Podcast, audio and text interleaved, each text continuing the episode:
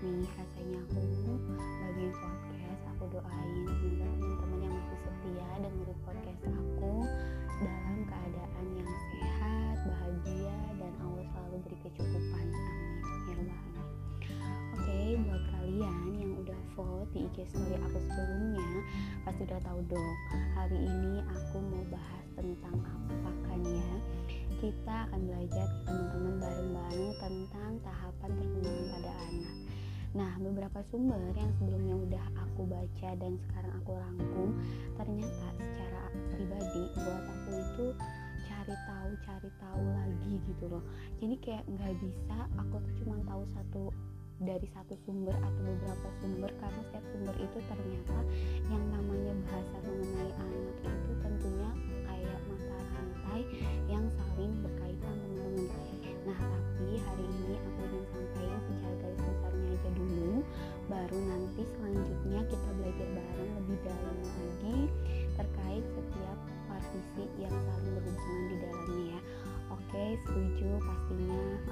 sih. Dari itu sudah literasi yang sebelumnya udah aku baca. Sebagian besar tahapan perkembangan anak itu dibagi menjadi empat partisi utama.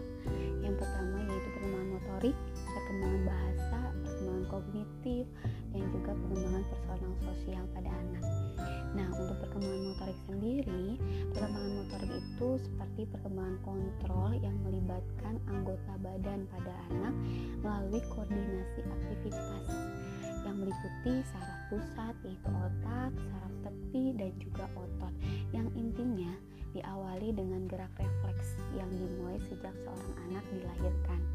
Nah, tentunya nih teman-teman, stimulus yang tepat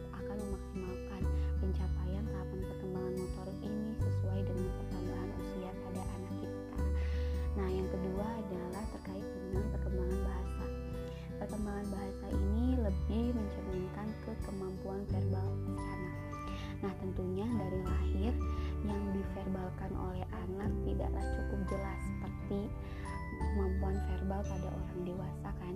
Namun ternyata kurang jelasnya mereka itu akan segera dapat membaik membaik membaik seiring dengan semakin banyaknya gerak yang dapat mereka lakukan. Oleh sebab itu tahapan perkembangan anak itu benar-benar saling berkaitan.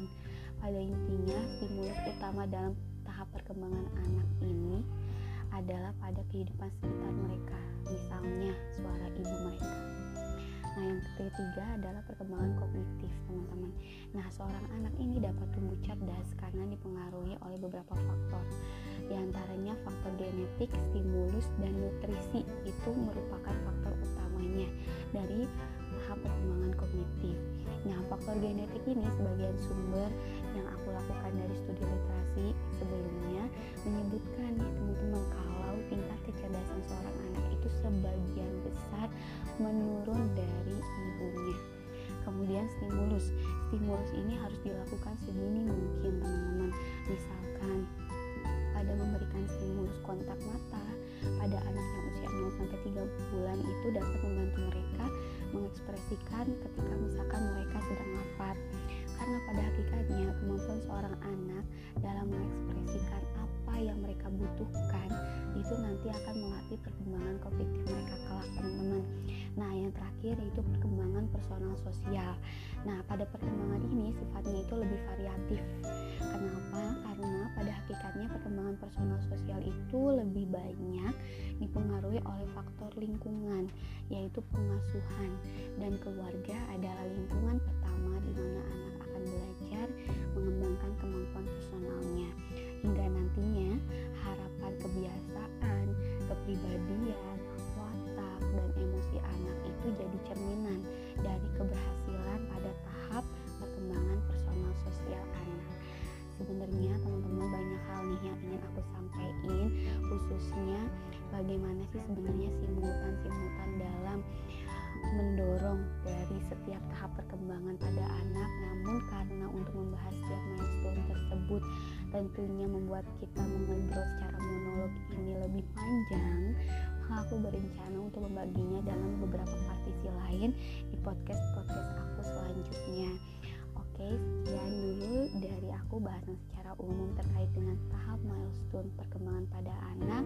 Terima kasih teman-teman. Semoga ada manfaatnya ya Assalamualaikum warahmatullahi wabarakatuh. Happy Sunday and keep healthy everyone.